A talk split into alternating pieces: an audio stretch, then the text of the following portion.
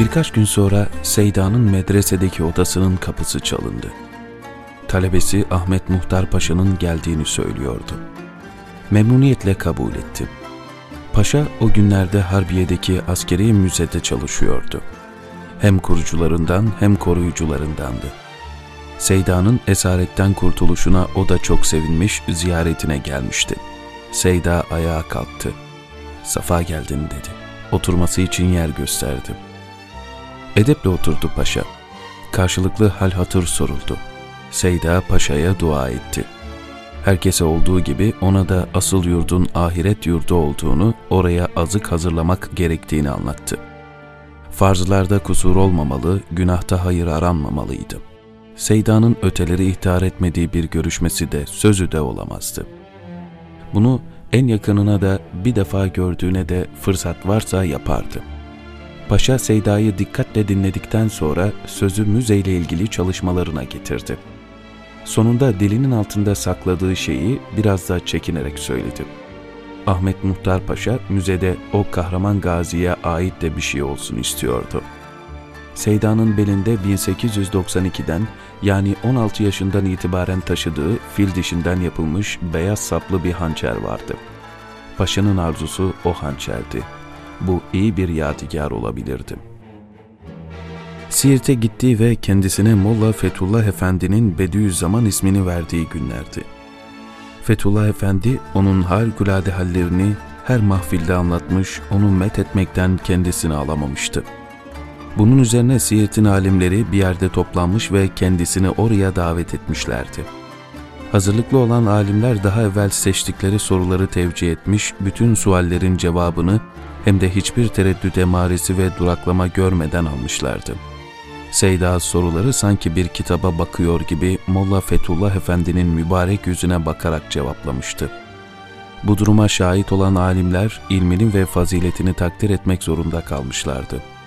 Bu hadise kısa zamanda Siirt ve çevresinde duyulmuş, ahalinin velayetine hükmederek itibar etmesine vesile olmuş, rekabet hisleri tahrik olan ikinci dereceden bir kısım hocalar ve talebeler, kin ve gayzla bir plan yapmışlardı. Seyda'yı Şeyh Nakkaş Camii'ne davet edecek, ilmen mağlup edemezlerse yanlarında getirdikleri sopalarla döveceklerdi. Seyda o basit düşünceli hocaların planlarını bir vesileyle duymuş, yanına emaneten bir hançer almıştı. Hocaların elinde kitaplarla birlikte sopaları görünce sormuştu. Efendiler bir şeyden ötürü hayretteyim. Kitapların münazara için olduğunu biliyorum. Ya bu sopalar niye? Hocalar homurdanmış ama bir şey diyen olmamıştı. Niye olduğunu biraz sonra göstereceklerdi. İlmi münazara başlamış, acre düşen hocalar işi kavgaya dökmüşlerdi. Meseleden haberdar olan halk, Seyda'yı kurtarmaya koşmuş, derhal müdahale edip fevkalade muhabbet ve hürmet besledikleri Seyda'yı bir odaya almışlardı. Seyda ilim ehlinin halkın nazarında düştüğü durumdan, işlerine halkın karışmasından rahatsız olmuştu. Kemale ermek için okuyan ve başkalarına nasihat eden insanların kendileri kamil olmazlarsa, halkın nazarında ilim ehlinin bir kıymeti, sözlerinin bir tesiri kalmazdı. Medrese ehlini de talebeleri de çok sevdiği için onların itibar kaybetmesine gönlü razı olmamış, odadan çıkmış, ben muarızlarım olan talebe ve medrese ehli arkadaşlarım tarafından öldürülsem, telef olsam, ilim ehlinin işine halkın karışmasını istemiyorum demişti. Daha sonra hocalara ve talebelere sırtını dönmüştü. Gelin beni öldürün, lakin ilmin izzetini ve haysiyetini muhafaza edin demişti. Bu civan mertlik ve samimi irşat karşısında kimsenin diyecek ve yapacak bir şey yoktu.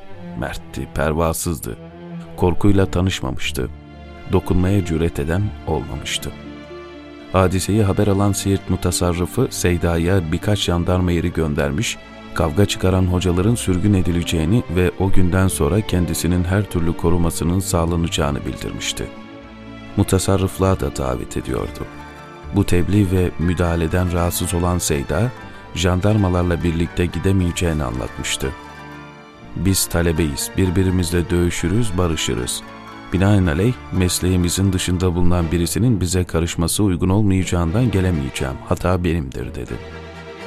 İlim yolunda yürüyen ve yürüyecek olan herkese dersini vermiş, ilme kuvveti karıştırmamıştı. Zira bu güce aklının almadığı her durumda müdahale hakkı vermek olurdu. Öyle bir dünyada hak aranmaz, ilim olmazdı. En zıt fikirler, en sıkıntılı anda bile kaba kuvvete karşı birleşmeyi bilmeliydi. Bu ders 16 yaşı çok aşkın bir dersti. Zira nicelerinin aklı da idraki de oraya ulaşamıyordu. İşte beyaz saplı hançeri o hadiseden sonra taşımaya başlamıştı. Seyda isteyene hayır demeyi bilemediği için o vefalı arkadaşından ayrılmak zorunda kaldı. Ahmet Muhtar Paşa hançeri sevinçle Harbiye Müzesi'ne götürdü.